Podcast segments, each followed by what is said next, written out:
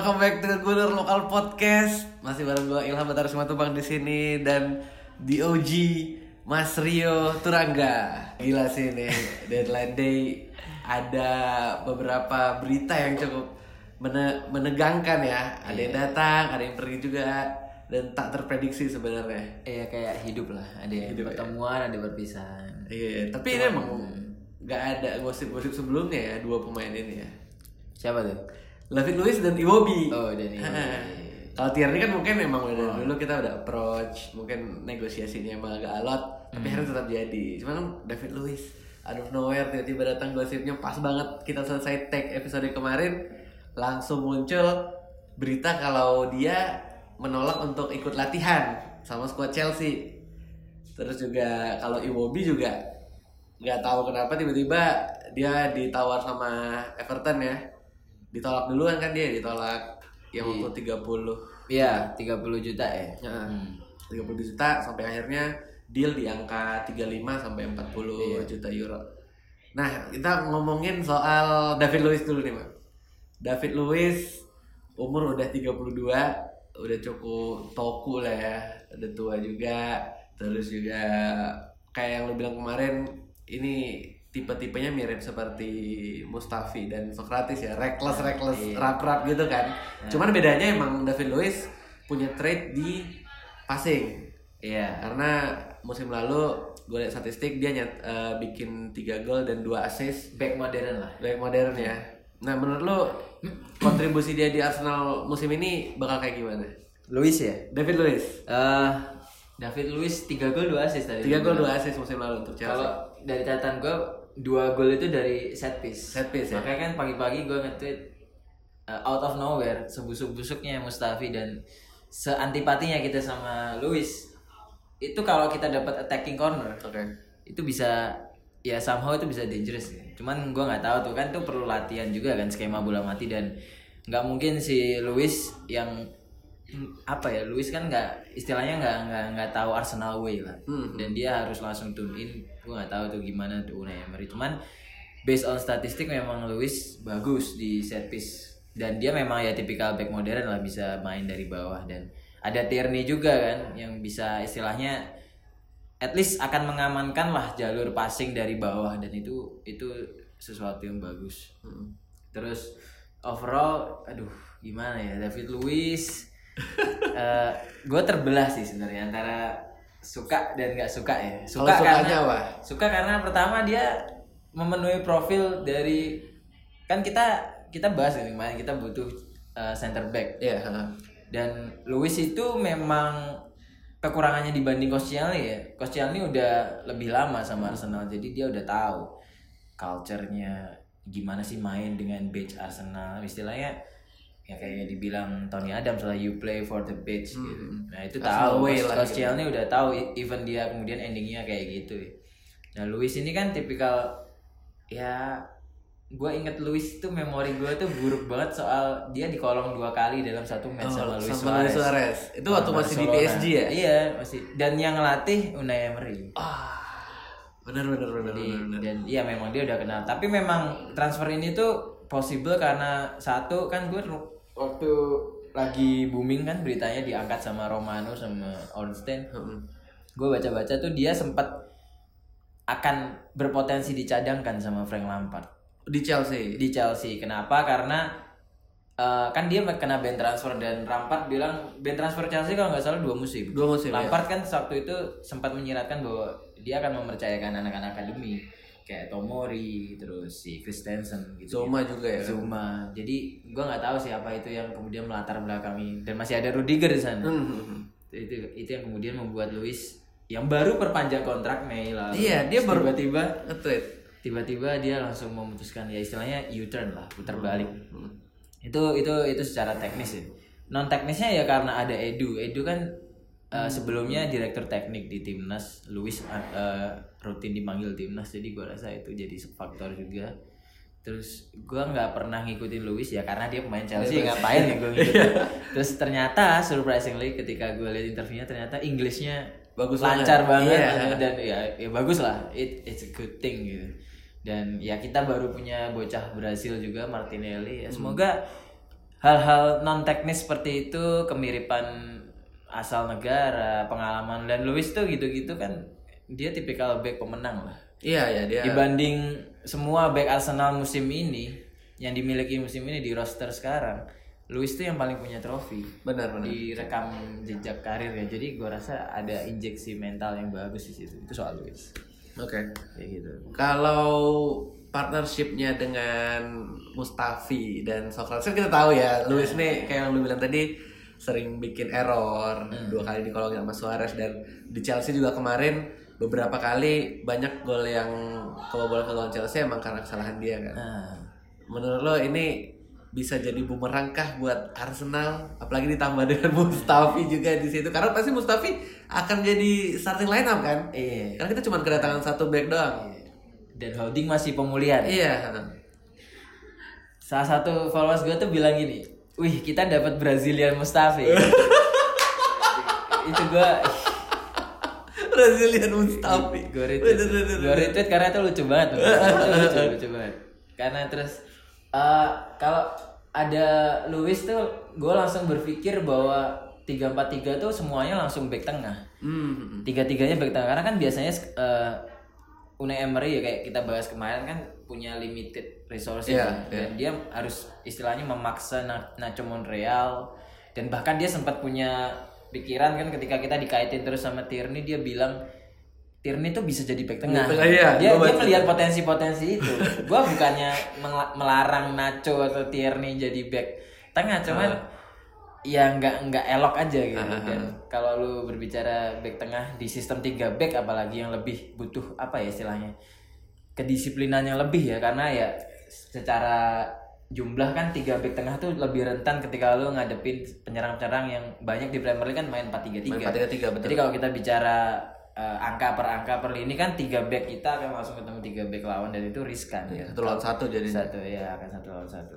Nah kayak gitu. Nah kalau ma- memang akan langsung tiga back, Luis, Socrates, Mustafi itu sebenarnya trio reckless kan. trio reckless ya Cuman di balik itu semua, gue rasa Mustafi ya terutama Mustafi itu sebelum dia awal-awal dia datang kan dia sempat bawa kita 20-an laga Hmm, dia nggak terkalahkan. dia gitu. terkalahkan Ketika dia main dan dia dia dia memang punya basic untuk jadi ball playing defender, cuman nggak tahu kenapa dia menurun dan jadi seperti sekarang kan. Kayak gitu. jadi Luis Luis memang punya paket seperti itu. Jadi gue rasa yang akan di tengah. Jadi kan kalau lu tiga back yang di tengah tuh pasti Koscielny kan. Iya kemarin Kenapa? Karena dia bisa menenangkan kayak udah, eh gini, lu lu ngikut gua, lu ngikut gua. Selain dia kapten.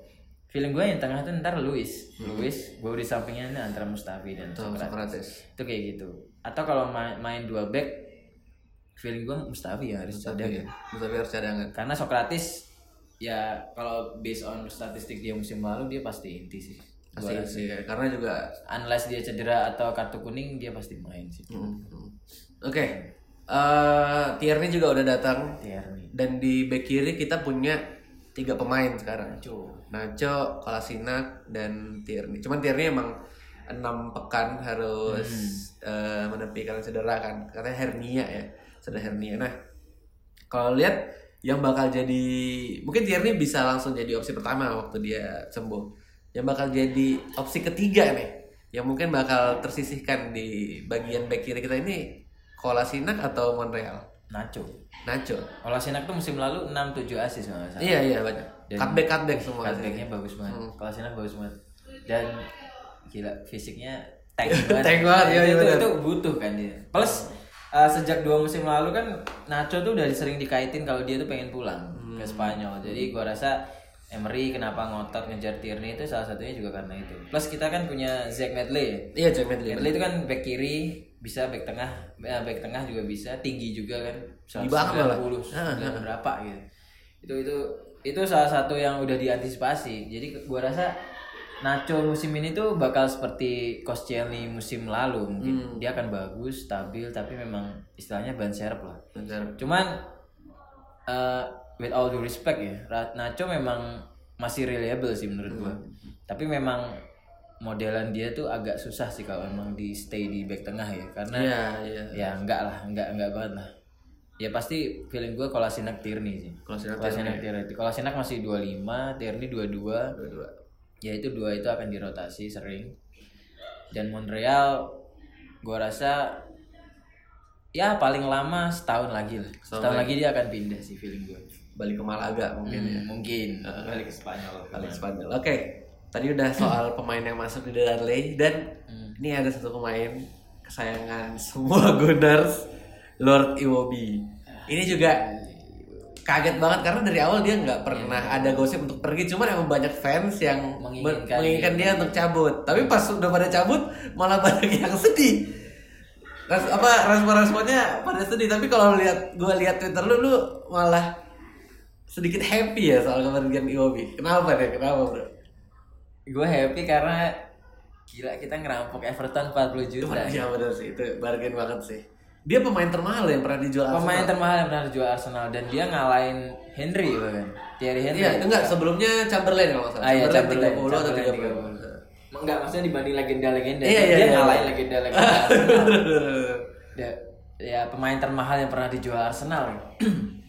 Kenapa gue happy? Ya gimana ya ya kayak gue bilang kemarin eh, kita tuh butuh orang-orang eh, pemain-pemain yang ada di sepertiga akhir tuh punya end product. End product tuh at least ya kalau nggak bikin assist atau gol ya at least at least ya bikin chance creating chance. Itu kan jadi statistik yang manis dilihat kan kayak oh nggak ya se seenggaknya lu bikin kipas lah ya gitu. Iya, kipas. Iwobi kan nggak punya. Nggak punya, eh, dia punya cuman nggak konsisten membuat itu bahwa great player tuh bisa bikin itu berkali-kali even itu akhirnya nggak gol at least dia creating terus Iwobi nggak konsisten sih Hmm. tapi memang gue memaklumi kesedihan Gunners ya gue lihat juga lu kayaknya sedih Iya banget. sedih banget bro. Ah, sedih banget karena dia one of our own ya Iya Jadi, kalau uh, Arsenal dia True dia masih ada di dia. Iya, Arsenal DNA, dia besar dari HLN, dipromosiin langsung cetak gol. Lawan Everton. Lawan Everton lagi bener. Itu soloran kalau nggak salah. Iya, gol pertama itu lawan Everton. Solo. Nomornya masih 45. Di assist sama Hector Bellerin. Heeh. Gue inget banget tuh eh, yang selebrasi. Iya. Ya, ya gimana ya? Tapi di satu sisi eh, transfer tuh memang kadang ketika kita gini, Arsenal memang sebelum Nicolas Pepe Arsenal keluarnya cuma 20-an juta ya paling mahal. Itu Saliba. Tapi ketika istilahnya buka kas untuk datangin Nicolas Pepe kan harus ada nyimbangin neraca gitu. Gue sempat mikir siapa yang dijual karena eh, bagi gue ini ini gue mengesampingkan loyalitas dan hal-hal romansa ya. Eh, banyak deadwood di tubuh Arsenal gitu. Entah itu beban gaji, entah itu pemain yang aslinya nggak butuh-butuh banget tapi memang kalau dijual juga peminatnya susah. Kalau lu main FM dia udah di offer tuh clubs tapi nggak ada yang respon. ada yang respon. bener. Itu kan susah kayak Mustafi, El Neni. Bahkan sorry to say gue harus bilang Iwobi dan Mkhitaryan tuh sebenarnya ada di golongan ini gitu. Deadwood ini ya. Deadwood ini. Deadwood. Enggak Deadwood banget tapi ya bisa dikategorikan Deadwood juga. Kayak gitu. Nah, Iwobi ini ada di level itu. Tapi memang kan ketika dia kan sempat ngebantah ya. The Sun kan sempat bikin berita Iwobi ngancam pindah kalau Arsenal beli Zaha gitu. Ya Indian akhirnya dia memang pindah beneran walau dia sempat nyangkal itu di Twitter ya. Cuman eh Iwobi masih muda 24 ya kalau nggak 24 24 24 iya, dua 24 25. ya. Dan sebenarnya memang bisa di gue tuh penasaran kalau dia main di tengah jadi CM gitu. Hmm, kayak kayak di gim- Nigeria. kayak- Iya, kayak gimana Jurgen Klopp make Chamberlain. Chamberlain. Gue sebenarnya penasaran sebenarnya itu bisa worth it lah untuk coba. Kayaknya juga dia kan gesit gitu kan bisa punya pressing resisten bagus. Cuman ya udah 40 juta 40 juta lumayan. kita bisa gunain uang itu buat Januari ya nggak tahu ya kita, Upamecano. kita mungkin Upamecano mungkin Atau mungkin Zaha. Enggak. Karena di akhir di hari terakhir deadline day itu Zaha tiba-tiba dikasih transfer request sama Crystal Palace. Ya, gue sempat baca yang beef beef palace itu ya. ya. Zaha gimana ya? Kalau kita ngelepas Mkhitaryan mungkin Zaha akan datang. Mungkin Zaha kan. Mungkin Zaha akan datang. Terus yang feeling gue sih pasti back muda. Back muda itu pasti datang lah satu. Entah di Januari atau musim depan karena Socrates sudah tua, Iya, Lewis sudah tua, Mustafi 26 dan nggak reliable jadi gua rasa selain Saliba pasti ada satu back muda Ada satu back muda lagi. entah itu Upamecano entah itu Rugani ya ada yang tahu. Nah, ngomongin soal pemain muda, karena eh, dari pertama kalinya Emery datang, dia langsung beli emang pemain yang di bawah umur 20 Wendozi Windows terus juga eh, Torreira mungkin bisa dibilang pemain Eh, muda. nah, iya, sekarang dia beli Saliba lagi terus ada Ceballos. Memang masih low tapi kan itu kan masih muda. Kemarin baru ulang tahun 23 dua dua tiga. Terus juga ini Tierney. Menurut lo dengan strategi transfer yang beli pemain muda ini apakah salah satu eh, petunjuk kalau Emery ini mungkin akan bertahan lama di Arsenal. Karena kan dia banyak beli pemain yang emang muda dan mungkin akan prospeknya tuh lama gitu. Eh, seumur kita hidup ya? Iya. Lu kelahiran berapa? Gue 97 ah 97 gue 92 Oke. Kita sejak kita lahir ah gue enggak sih. Sejak kita suka Arsenal deh. Iya. Kita cuma tahu satu manajer Arsenal Arsene Wenger. Arsene Wenger Nah, jadi gua rasa yang gua tahu dari Arsenal itu adalah loyalitas dan uh, kesabaran sih. Kalau kalau lu suka Tem Impala, band-band bandnya Australia, Iya, iya, tahu. ada judul lagunya Patience tuh menurut gua cocok menggambarkan gimana sih jalan uh, Arsenal men- menjalankan manajemennya. Gitu Patience. Gila, nggak ada klub yang mau mempertahankan seorang Carl Jenkinson gitu Iya benar maksudnya Dan- tujuh ya kayak gitu lebih. Jenkinson, Kieran Gibbs bahkan bahkan ketika Wenger akhirnya dipaksa board ya. Waktu itu kan Gazidis ya ada power ya sharing power lah. Hmm. waktu itu memang harus saat gitu kan. Ketika Gibbs dijual Giroud dijual dia kan merasa gue ngelihat Wenger tuh ngerasa wih gila. Gue akhirnya harus ngelepas kayak gini gini gini Nah, nah. jadi memang value Arsenal tuh memang tentang loyalitas itu. Itu sebenarnya bagus cuman ya kadang mengaburkan realitas bahwa pemain ini tuh udah nggak layak ya iya. di Arsenal gitu. Udah jadi kesampingkan dulu lah kayak gitu loyalitas Romansa, romansa itu ini. ya. kesampingkan dulu karena kalau nggak dijual mungkin back kiri kita masih Kieran Gibbs gitu. Ya, kita nggak tahu bunuh sih ya akan Jenkinson pun akhirnya akhirnya ya Cabut. dipersilakan untuk keluar. Dan itu gua rasa waktu dia dibawa ke Amerika tuh kayak ya udah ini anggap aja liburan terakhir. liburan liburan terakhir bareng teman-teman ya. Terus ya liburan terakhir bareng teman terus kok soal pemain muda eh, kontrak Emery itu seingat gue tiga tahun ya. Tiga tahun iya tiga tahun. dan ini udah tahun kedua eh, kalau untuk long term gue nggak bisa ngelihat sih. Tapi memang manajemen Arsenal tuh gue nggak pernah sejak gue jadi Gunners gue nggak pernah lihat klub gue mecat pelatih. Ya sorry to say itu fans. The other fans Iya, ya. Chelsea terutama. Tim tim kita tidak didesain untuk memecat Ya, orang. iya, ya. kita iya, iya. kita orang yang ya santai. Emang iya, jadi kita emang- bro ya ya people say a lot of things tapi santai. Santai aja. dan, dan gue nggak demand banyak sih sama Emery karena memang gimana ya tapi musim ini musim ini tuh terlihat banget apalagi Sanlehi cara pendekatan Sanlehi sama Gazidis kan beda banget. Beda banget benar Sanlehi itu apa ya dia tuh menurut gue kayak main lobbying yang kita nggak pernah tahu. Tiba-tiba kayak siapa sih yang ngira Iwobi akan dijual dan siapa yang ngira 40 juta gitu kan? Nggak ada gitu. Sanlehi menurut gue memainkan peran yang jauh lebih krusial daripada Gazidis. Gazidis. Dan ada akun tuh nge, eh, ngejokes kan Ars- eh, Milan under Gazidis beli Rafael Leao. Arsenal under siapa? Sanlehi beli Nicolas Pepe. Dua-duanya sama dari Lille tapi lo akan tahu ya kalau Arsenal masih dipegang Gazidis mungkin, Mungkin kita yang beli bener, bener. Kayak gitu. Itu itu sindiran-sindiran yang menurut gua ya memberikan sedikit gambaran bahwa sebenarnya kita patut optimisme sih Oke. sama patut optimistis sama gimana sih Arsenal di musim ini. Dan kalau untuk long term gua rasa Emery dia masih muda dia punya pengalaman dia punya istilahnya ciri khas dia juga diterima. Dan satu yang gue salut ini sal- ini langsung earned respect sih menurut gue Hmm. dia orang Spanyol zero persen Inggrisnya Iya, tapi konferensi pers pertama Langsung unveiling itu dia langsung pakai bahasa Inggris walau terbatas. Good evening. Good evening. kayak gitu. Dan itu ih, gila itu itu respectful banget. Karena kayak interview kerja kayak kemarin nih misalnya. Cewek gue kan habis interview di perusahaan uh, Mandarin punya orang Cina. Oke dia pernah learn bahasa Mandarin ketika SMP dan di situ dia coba ya sedikit lah bahasa buat bahasa basi percakapan. Dan itu kan langsung mengubah mood orang. Hmm. Gila lu mau belajar bahasa gua gitu. Itu kan sesuatu yang menurut menurut gua ya bagus sih. Langsung respect gitu ya, ya itu respect earned respect menurut gue tapi gue nggak tahu orang lain gimana. Cuman bagi gue kemauan Emery untuk itu belajar Hmm. dan di musim pertama dia nggak rewel ketika punya budget dan pemain seperti pemain itu seperti itu. sekarang dia udah dikasih kemewahan dan gue nggak setuju sama media-media Inggris yang bilang setelah transfer yang sedemikian wah uh, tuntutan Arsenal tuh tinggi enggak. Hmm. Tuntutan tinggi itu based on media gitu. Iya benar-benar. Gue sebagai Gunners eh, enggak enggak langsung enggak, enggak langsung pengen, wih gila kita akan jadi kontender Liga Inggris enggak bro. Enggak. Kita realistis. Iya, realistis. iya. Semua tuh ada stepnya, enggak enggak kayak gitu. Media Inggris tuh menurut gue terlalu bombastis. jadi gue rasa Emery akan panjang, at least ya feeling gue 10 tahun sih bisa. 10 tahun bisa ya. Dan Oke. kita lihat lah nanti. Kita lihat nanti. Karena emang eh, banyak pemain muda yang udah dipupuk sama dia juga. Iya, dan dia percaya sama anak akademi itu yang gue salut. Nih, ta- eh, kemarin lu juga nge-tweet ketika Iwobi pergi, lu bilang Reece Nelson, this is your Iya. stage, eh, this is your stage now gitu. Hmm. Nah, eh apakah Reece Nelson bisa kebetulan kan nanti lawan Newcastle, Lacazette sama Pepe belum bisa main kan? Oh udah fix ya? Iya sudah ta- tadi kalau ada conference press karena Berarti gue harus buka FPL nih.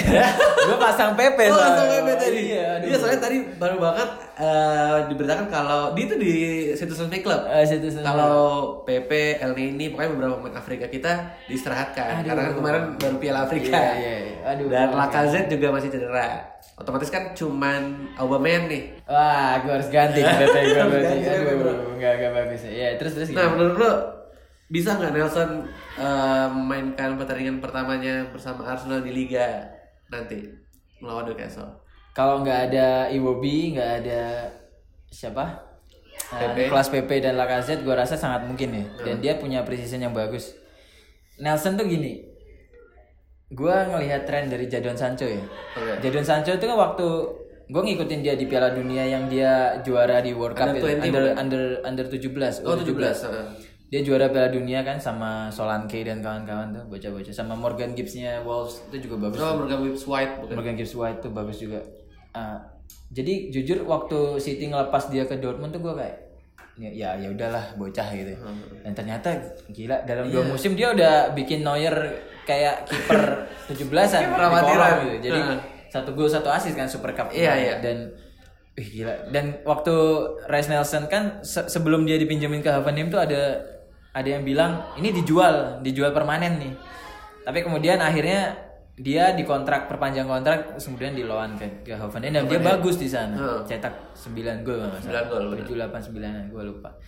Dan ya sepak bola Jerman tuh with a lot of things in here in there itu mereka punya segalanya. Dan gua rasa ketika dia pulang dia udah apa ya udah stronger lah. Dan dia musim panas lalu kan ikut Euro sama Hmm. Iya, ikut Madison, dan kawan-kawan James Madison. Jadi gua rasa ya dia learn a lot dan setelah perginya Iwobi dan mulai menurunnya Mkhitaryan ya nggak ada alasan untuk nggak memainkan Reiss Nelson. Lebih sering ya plus juga Eddie Nketiah udah resmi dan alhamdulillah dia ke Leeds gitu gua Iya, ke pelatih favorit Iya, ya. pelatih favorit gue biasa gue gue membayangkan dan dia milih nomor 14 kan Iya, nomornya. karena, karena emang dia ngefans Henry kan Hmm, hmm. jadi ya Nelson gue rasa pasti pasti dapat panggung musim ini dia pasti da- dapat lonjakan manit main ya sekitar 60-70% persen dibanding musim Pertama kita juga ikut empat kompetisi kan, Iya, lumayan dia padat. dapat kompetisi dan enggak maksud gua di Premier League dia pasti main, pasti dapat menit bermain. Oke, Bagus banget Bagus Nelson. transfer ini kan eh, untuk Eropa bakal berakhir tanggal 31 Agustus 2019 karena kan tapi tim Liga Inggris nggak bisa beli lagi. Iya, ada yang September juga. Ada yang September juga di, ya? Di Italia salah. Ya menurut lo di sisa waktu transfer ini ada nggak eh, satu atau dua pemain Arsenal yang mungkin bakal pergi lagi? eh kalau kita bisa, ini gue bukan bukan ngatain Liga Liga Italia, cuman kalau kita bisa nyari peminat untuk Muhammad El Neni, gue rasa pemain-pemain modelan El Neni itu bisa sukses di Serie A. Eh, dia bagus, cuman nggak bagus banget gitu. Standar lah gitu. Dia bisa lah main di Bologna atau di. Sampdoria. Di ya. Parma juga dan, boleh ya. Dan mungkin dari sana dia akan nemuin ya mungkin kayak second reborn lah kayak Muhammad Salah gitu. Gua- Dan El ini gue rasa memang harus harus harus dibuang ya. Hmm. Dibuang bukan karena kita bukan karena kita nggak butuh lagi, cuman memang kualitasnya dan untuk memberi ruang yang lebih lega. Mhm. Kalau lu ini kan jadi gini ceritanya. Si Freddy Yumbek itu kan dulunya U23, sekarang Iya. udah masuk staff utama dan Yumbek nih ternyata gue baca-baca di blognya si George Beard ini. Yumbek nih mengajukan beberapa nama ke Emery buat kalau lu kalau lu mau ini ada anak-anak nih siap di siap istilahnya siap panen lah. Oke. Salah satunya sebenarnya Xavier Amici gitu. Sayang dia udah dilepas kan. kalau si Amechi ini gue rasa ya udahlah kayak Emery kayak ya udahlah masih ada PP gitu. tapi ada satu nama Robbie Burton Oh, yang Burton yang golnya kemarin pirang ikut gitu. itu bagus ikut lawan Colorado Rapids ya. Hmm, itu itu bagus bocah itu dan ada Smith Rowe kan Uh-huh. ya kita kita ber, be- eh, menaruh harapan besar lah sama dua dua anak muda dan kalau masih ada El Neni kita nggak bisa ngelihat itu lebih sering karena untuk laga-laga selevel FA Cup se- selevel Carabao gue rasa Smith Rowe dan Burton itu yang masih 17 18 16 malah. 16 malah. 16 yang masih Robbie muda Burton banget. masih Itu 16. bagus Robbie Burton itu. Ya tipikal gelandang CM lah. Kayak kayak El Neni dan gua rasa kalau memang kita punya mindset yang istilahnya future mindset ya, kita ya akan ngasih Robbie Burton. Yang pertama gue perkirakan sih El Neni. Ini ya. Ada tiga nama sih yang menurut gua harus harus harus kalau ini. kalau Deadwood kas, kasar banget ya. Kita di Arsenal tidak terbiasa memperlakukan Iya. pemain seperti itu. Betul. Cuman Mereka keluarga. gue harus romansa, bilang romansa itu. istilahnya kita harus membiarkan mereka berkembang lah ya. Iya, benar. Ada tiga Karena nama. halusnya. Iya, ada tiga nama dan mereka semuanya under 30. Oke. Mkhitaryan, Mustafi, El Neni. Gue rasa ini harus ya harus pergi ya. silakan gitu. Tapi kalaupun nggak dilepas juga nggak apa-apa gitu. Tapi memang baiknya dilepas karena Inggris kan tinggal bisa jual doang kan. Iya, Jadi gue rasa gue rasa itu harus dilepas karena di di posisi mereka ada pemain-pemain muda yang istilahnya udah ngetok pintu gitu. Jadi lu harus segera nentukan. Jadi menurut gue klub harus segera nentukan pilihan tiga pemain ini. Tapi nggak tahu ya mereka mungkin punya penilaian sendiri. Tapi kalau gue dari kacamata fans dan ngelihat grafik permainan eh, kebutuhan tim, gue rasa tiga nama itu udah sudah harus hengkang lah karena untuk nama-nama baru yang lebih muda. Iya, pertama Mkhitaryan sih. Kalau gue setuju Mkhitaryan karena Plus kita juga sebenarnya kan ada ada ini ya, ada sedikit concern kan kayak misalnya gue tuh agak agak gemes ketika ngelihat uh, Barcelona beli pemain gitu. Hmm, kenapa? Karena Ricky Puig itu bagus, Charles Alenya tuh bagus. Iya, lama sih. Tapi lama mereka- sih Ya tapi Frankie De Jong juga bagus ya. Cuman kayak gini kayak lu gila Barcelona tuh spend 100 juta untuk dua orang kan. Ousmane Dembele dan Coutinho dan lu sekarang ngelihat Coutinho di diperlakukan kayak Iya. apa? Ditawar-tawarin buat Tahu, dipinjam. bahkan Arsenal menolak Iya, Coutinho. kayak Gila gitu, kayak- Arsenal udah. dan gue gue gue yakin Arsenal nggak akan seperti itu memang tapi gue rasa uh, salah satu yang membuat klub itu punya identitas itu dan itu yang gue salut dari MU ya dari Solskjaer terutama dia percaya sama Mason Greenwood, Tahith Chong, Angel Gomez, Gomez. Andreas Pereira dan itu hal yang bagus dan itu yang memang gue rasa memang harus dicoba. Itulah kenapa gue selalu bilang Res Nelson itu harus main karena selain ya setelah kita nggak punya Iwobi gitu Bellerin one of our own juga Jenkinson udah dia nggak akademi Arsenal sih dari Charlton kan. Dia dari Charlton, cuman tapi dia emang pas kita butuh lah untuk itu. Pemain-pemain yang dari kecil udah diajarin Arsenal DNA Arsenal way dia udah tahu caranya main sebagai sebagai born gunner lah istilahnya Mm-hmm. born and bred gunner jadi pemain-pemain itu kalau udah step up dan ya kalau nanti umur 25 26 akhirnya dijual ya Hmm. ya nggak apa-apa gitu at least Helen itu punya wih ini nih dia kayak Fabregas gitu Iya. kan sesuatu yang menyenangkan Karena terakhir eh, pemain akademi Arsenal yang benar-benar bertahan lama dan Jack jadi itu eh, Jack Wilshere kan mungkin eh, endingnya Iya, nggak baik ya, iya, nggak asik ya. karena injury prone Ternyata yang terakhir itu kalau nggak salah Tony Adams. hmm.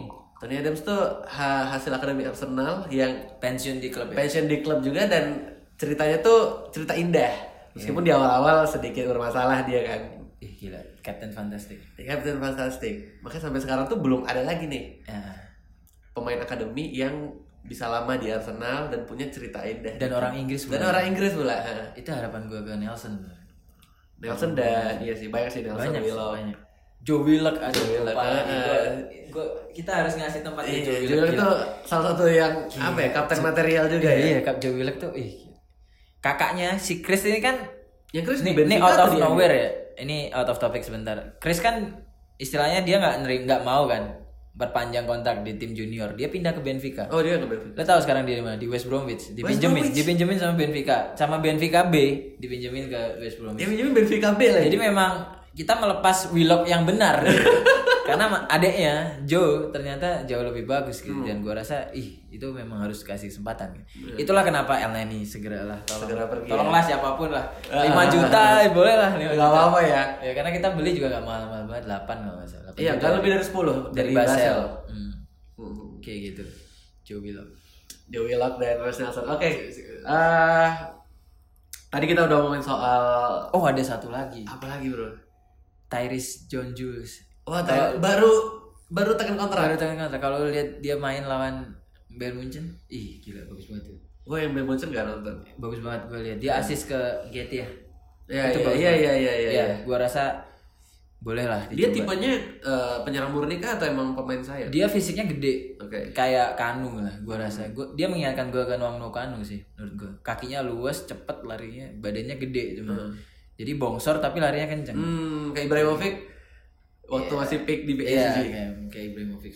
Jadi ya Terus Ya. Ya. musim yang menyenangkan untuk pemain-pemain muda. Benar, apalagi pelatihnya juga eh, Iya, pelatihnya nggak alergi ke pemain muda. Jadi gua ya sama sih Wenger dulu juga kan terkenalnya Hmm. eh, Young Gunners, Fabregas, eh, Danielson Nasri segala macam kan pemain muda dulu semua. Dan ini komposisinya tuh menurut gue pas. Hmm, hmm. Jadi pemain yang udah siap mentally, technically, uh, terus punya kepe- ya kalau jiwa kepemimpinan tuh gimana ya ngelihatnya? Gue masih jujur gue ngerasa belum ada kapten yang cocok ya selain Coach Stanley. Jujur nih gue ngerasa. Granit Xhaka tuh reckless. Mesut Ozil itu nggak bukan kapten, bukan dia bukan kapten, nggak bisa dia jadi kapten sebenarnya, nggak vokal dan nggak punya karakter kan. Dia kan orangnya melankolis, iya, dan santai. gue lihat dari postingannya gue lihat dia latihan tuh dia introvert kan kayak gitu. Jadi belum ada kapten material gitu menurut gue dan tapi eh, di usia usia matang kita tuh punya punya pemain yang secara kualitas tuh udah mat udah siap lah. Udah siap untuk dan itu hitungannya udah world class gitu. Kayak Aubameyang Lacazette. Ya kita masukin Ozil di sana. Nicolas Pepe datang dengan usia yang menurut gue udah siap bersaing. Dan itu uh, ekosistem yang pas buat pemain-pemain muda buat step up. Karena mereka nggak akan istilahnya nggak kayak nggak kayak generasinya Fabregas ketika tapi memang gue salut sama mental Fabregas saat itu. Dia langsung ngambil tampuknya Vieira gitu. Iya. cuman kan nggak semua pemain muda tuh kayak Fabregas gitu jadi menurut gue ekosistemnya Arsenal saat ini tuh udah bagus buat pemain-pemain muda itu step up. Cuman masalahnya berani nggak Emery kayak gitu. Ya gambling kayak ketika Wenger gambling sama Bellerin. Dan kemudian kita lihat Bellerin bagus kan. Bagus benar. Oke, tadi kita udah ngomongin soal deadline day, eh, David Luiz, Iwobi sampai soal pemain muda kita di squad. Nah, sekarang kita mau preview pertandingan pekan pertama Liga Inggris kita hari Minggu Minggu. jam 8 pagi jam 8 malam Indo- waktu Indonesia kita akan berhadapan dengan Newcastle. Newcastle datengin Jolinton dari Hoffenheim dia top skornya klub ya, top scorer Hoffenheim. Andy Carroll Andy Carroll juga balik lagi setelah melalang buana ke Liverpool dan West Ham. Tapi yang jadi highlight gue adalah pelatih mereka ganti bro. Steve Bruce Jadi Steve Bruce. Menurut lu gimana nanti pertandingan melawan Newcastle apakah akan sedikit banget karena kan Steve Bruce dulu gue ingetnya Steve Bruce tuh di Birmingham City tuh. gue ingat di Hull City dia kan Iya. melawan kita di final Piala FA yang Oh buka berarti sama. Steve Bruce ya? Dia bawa anaknya si Alex Bruce waktu itu Hmm. Eh, Steve Bruce Steve Bruce tuh jadi ada 4-5 pelatih Inggris yang gue selalu bilang mereka tuh ih, pe- penyembah pagan Penyebab. ketika pelatih-pelatih seperti manajer-manajer datang kayak Pep, Klopp sampai ya Mauricio Sarri sampai Mauricio Pochettino orang-orang ini nggak punah Gak gitu. punah bener. karena apa karena orang Inggris sebagian orang Inggris sebagian pemilik klub ya kita bilang pem- eh, tim papan tengah ke bawah itu masih percaya bahwa orang-orang seperti Sam Allardyce orang-orang seperti Alan Pardew, orang-orang seperti Steve Bruce itu bisa menyelamatkan mereka at least dari jerat degradasi. Itu yang bikin mereka ya kayak dinosaurus. Cuman bedanya mereka nggak punah gitu. Iya. Dan mereka masih mainin sepak bola ala Inggris yang Kick and rush gitu ya. menurut gua kick and rush tuh udah nggak jadi stigma Inggris gitu karena kan kita ngelihat sepak bola dari timnas. Gareth Southgate udah nggak main seperti itu. Gareth Southgate punya plan, punya skema. Dia dia melek taktik, dia belajar skema set piece dan itu bagus. Dia belajar skema set piece dari NFL kan, American football. Itu keren banget menurut gua. Cuman Steve Bruce ini apa ya Newcastle itu menurut gue blunder ketika dia mengganti ya Rafael Benitez kan emang lebih milih ke China kan Iya. daripada cuman Steve Bruce itu ya at least akan bawa Newcastle cuman ada di peringkat mana ya 15 16 ke bawah. 17 gitu. Kalau degradasi pun sebenarnya dia punya Indotune Army di Indonesia kan cukup militan ya. Kasihan juga dia. Tapi emang Mike Ashley itu menurut gue pemiliknya nggak nggak nggak nggak nggak tahu cara ngerunning klub. Cuman untuk match besok tuh Arsenal era Wenger kan selalu bermasalah ya sama tim-tim seperti itu sama Tony Pulis Stock City tim-tim iya tim-tim yang tim-tim kita tuh Arsenal tuh tim modern yang selalu kesulitan ngelawan dinosaurus itu. Bener.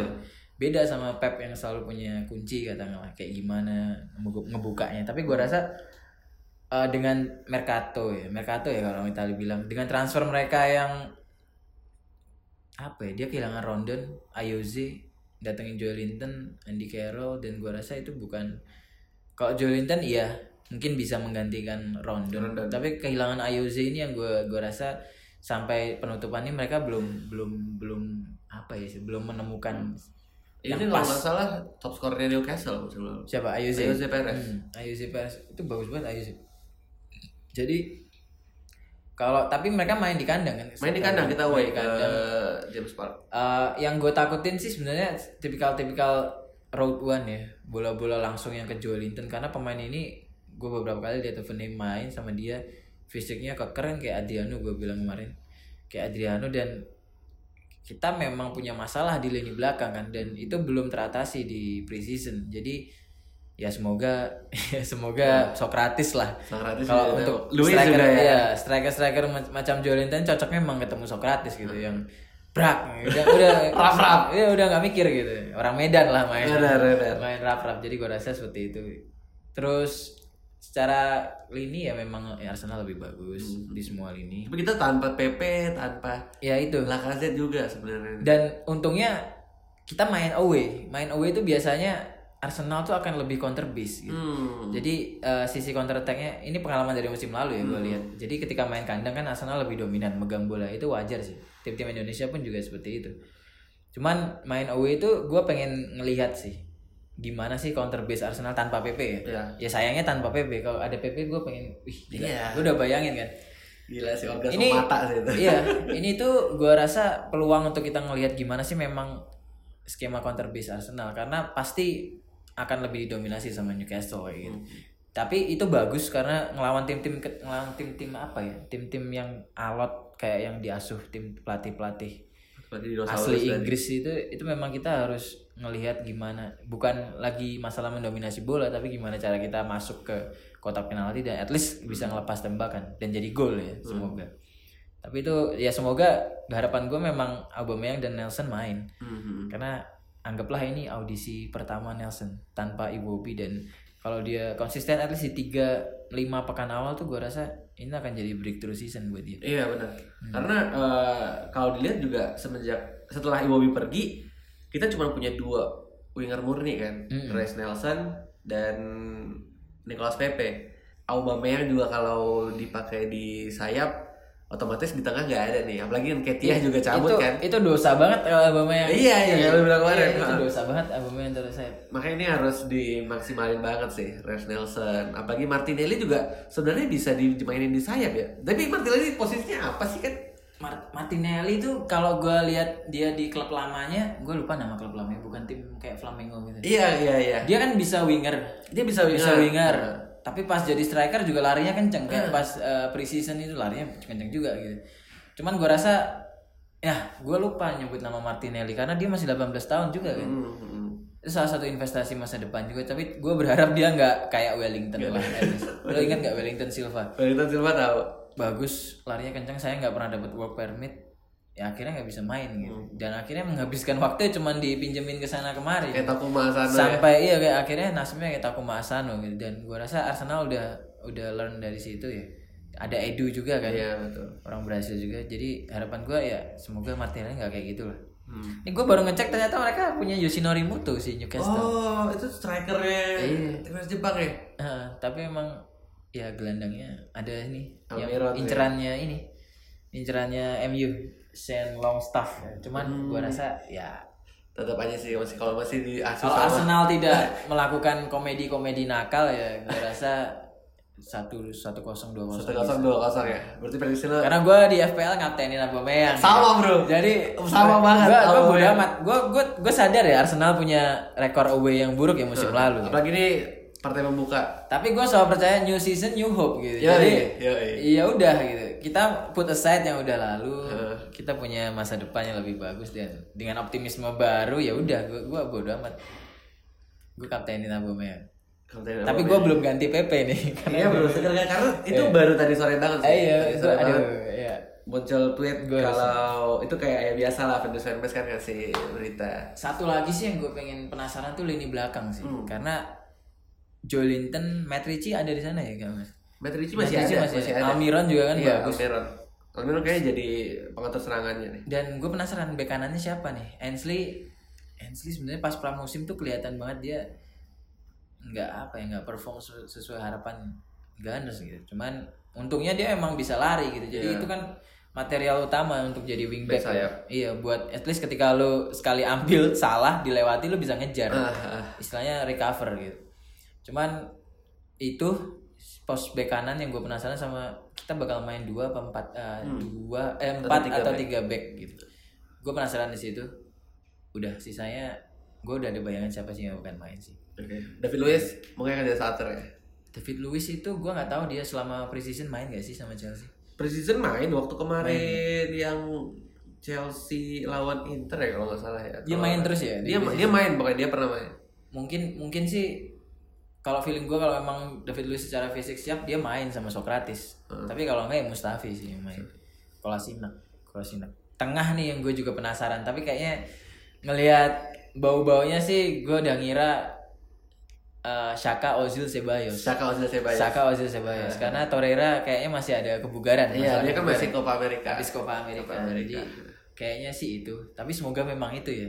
Karena iya, lihat Ozil dan Ceballos ya. Karena pas Ceballos debut kan Ozil udah nggak ada di lapangan ya waktu itu. Iya, dan waktu Dia lawan Lyon itu udah nggak ada Ozil. nggak ada lawan Barca juga gitu. Eh, iya lawan Barca itu. Jadi gua ih. Mereka belum pernah satu lapangan di waktu atau malah kejutannya Ozil nggak main. Hmm. Jadi Oh jangan dong. Shaka Willock sama Ceballos. Oh gila. Lu beli Ozil di FPL? Gue beli Ozil. gua gua harus mengesampingkan Ozil karena gua udah beli Kolasinac kan. Satu lagi jelas PP lah. Rekor oh saya iya ini tiga bener. rekor saya ini nggak mungkin gue nggak beli dan sebenarnya beli Kolasinac di FPL tuh kayak main judi sih Main judi bener. lo tahu ya Arsenal defense-nya nggak akan pernah clean sheet Cuma banyak mengharapkan asis. Iya, itu ya. Di bonus Iya. poin gitu ya. Oke. eh itu dulu untuk episode sekarang. Karena ini emang lumayan apa ya? Emergensi banget sih karena kalau mungkin kalau deadline day kita nggak se mengejutkan kemarin episode ini mungkin nggak akan ada Iya. mungkin akan ada setelah pertandingan Newcastle cuman karena banyak banget hal-hal mengejutkan terjadi kemarin gue mutusin buat hubungin Mas Rio dan bikin episode ini sebenarnya kan harapan kita cuma Tierney kan Iya Tierney doang. Dan Tierney bahkan doang. kita nggak berharap ada pemain yang dijual malah. Ya, iya iya gue gue juga merasakan hal seperti itu Heeh. jadi ketika lo ngajak tuh oh ya udah memang momennya pas ya Iya. kita belum eh, ngebahas Luis kita juga belum ngebahas Iwobi gitu. Walau sempat kan kita kemarin bahas kayak Iwobi nih gimana Ah, ya, ya, ternyata dijual. Tapi ya kayak gue bilang kita tuh ngerampok Everton 40 juta 40 gitu. juta, Jadi bener. Bargain banget sih. balik itu ih. Kita dosa sih sebenarnya. Cuman Atau ya mungkin Evertonnya yang kebanyakan duit kali ya. Iya kita dosa banget sebenarnya ke Everton seorang Iwobi 40 juta tuh lebih mahal dari Tony Kroos Iya, ketika dibeli ketika dibeli Julian Brand dan Torgan Iya, Hazard malah. Gila, eh, emang ya gimana ya ya udahlah ya. Namanya Liga Inggris ya, karena emang udah terkenal. mereka sama-sama tahu lu tuh punya uang gue Ah. tahu hak siar kita tuh segini segini segini jadi ya memang mereka memang punya posisi tawar untuk itu Sama kayak Leicester kayak MU lah ya. Hmm. Tapi Leicester, gue selalu takut kalau Arsenal ketemu Leicester nggak tahu kenapa. Apalagi mereka sekarang dipegang Brandon. Brandon Rodgers, Transfer transfernya juga bagus. Tielemans dipermanenin. Dennis Pride dia dapat dari oh, iya, Sampdoria tuh bagus tuh Pride.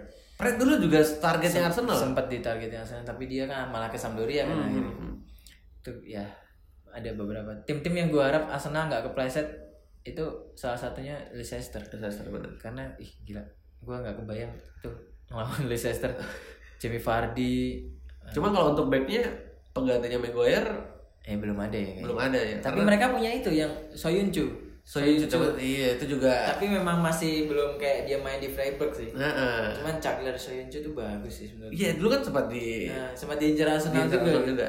tapi transfernya bagus dan ada Harvey Barnes itu juga gue suka nih cara Brandon memainkan karena gue ini ya Three Lions juga ya Heeh. gue timnas suka Inggris jadi bagus lah cara-cara gitu semoga Arsenal mengikuti lah cara-cara karena pemain akademinya sayang banget Saya malu kalau dipakai. Oke. Eh, sekian dulu untuk episode kali ini. Terima kasih untuk yang dengerin. Eh, gue Sampai Terus pamit. gue Sidosrio pamit Sampai jumpa di episode selanjutnya. Bye bye. bye bye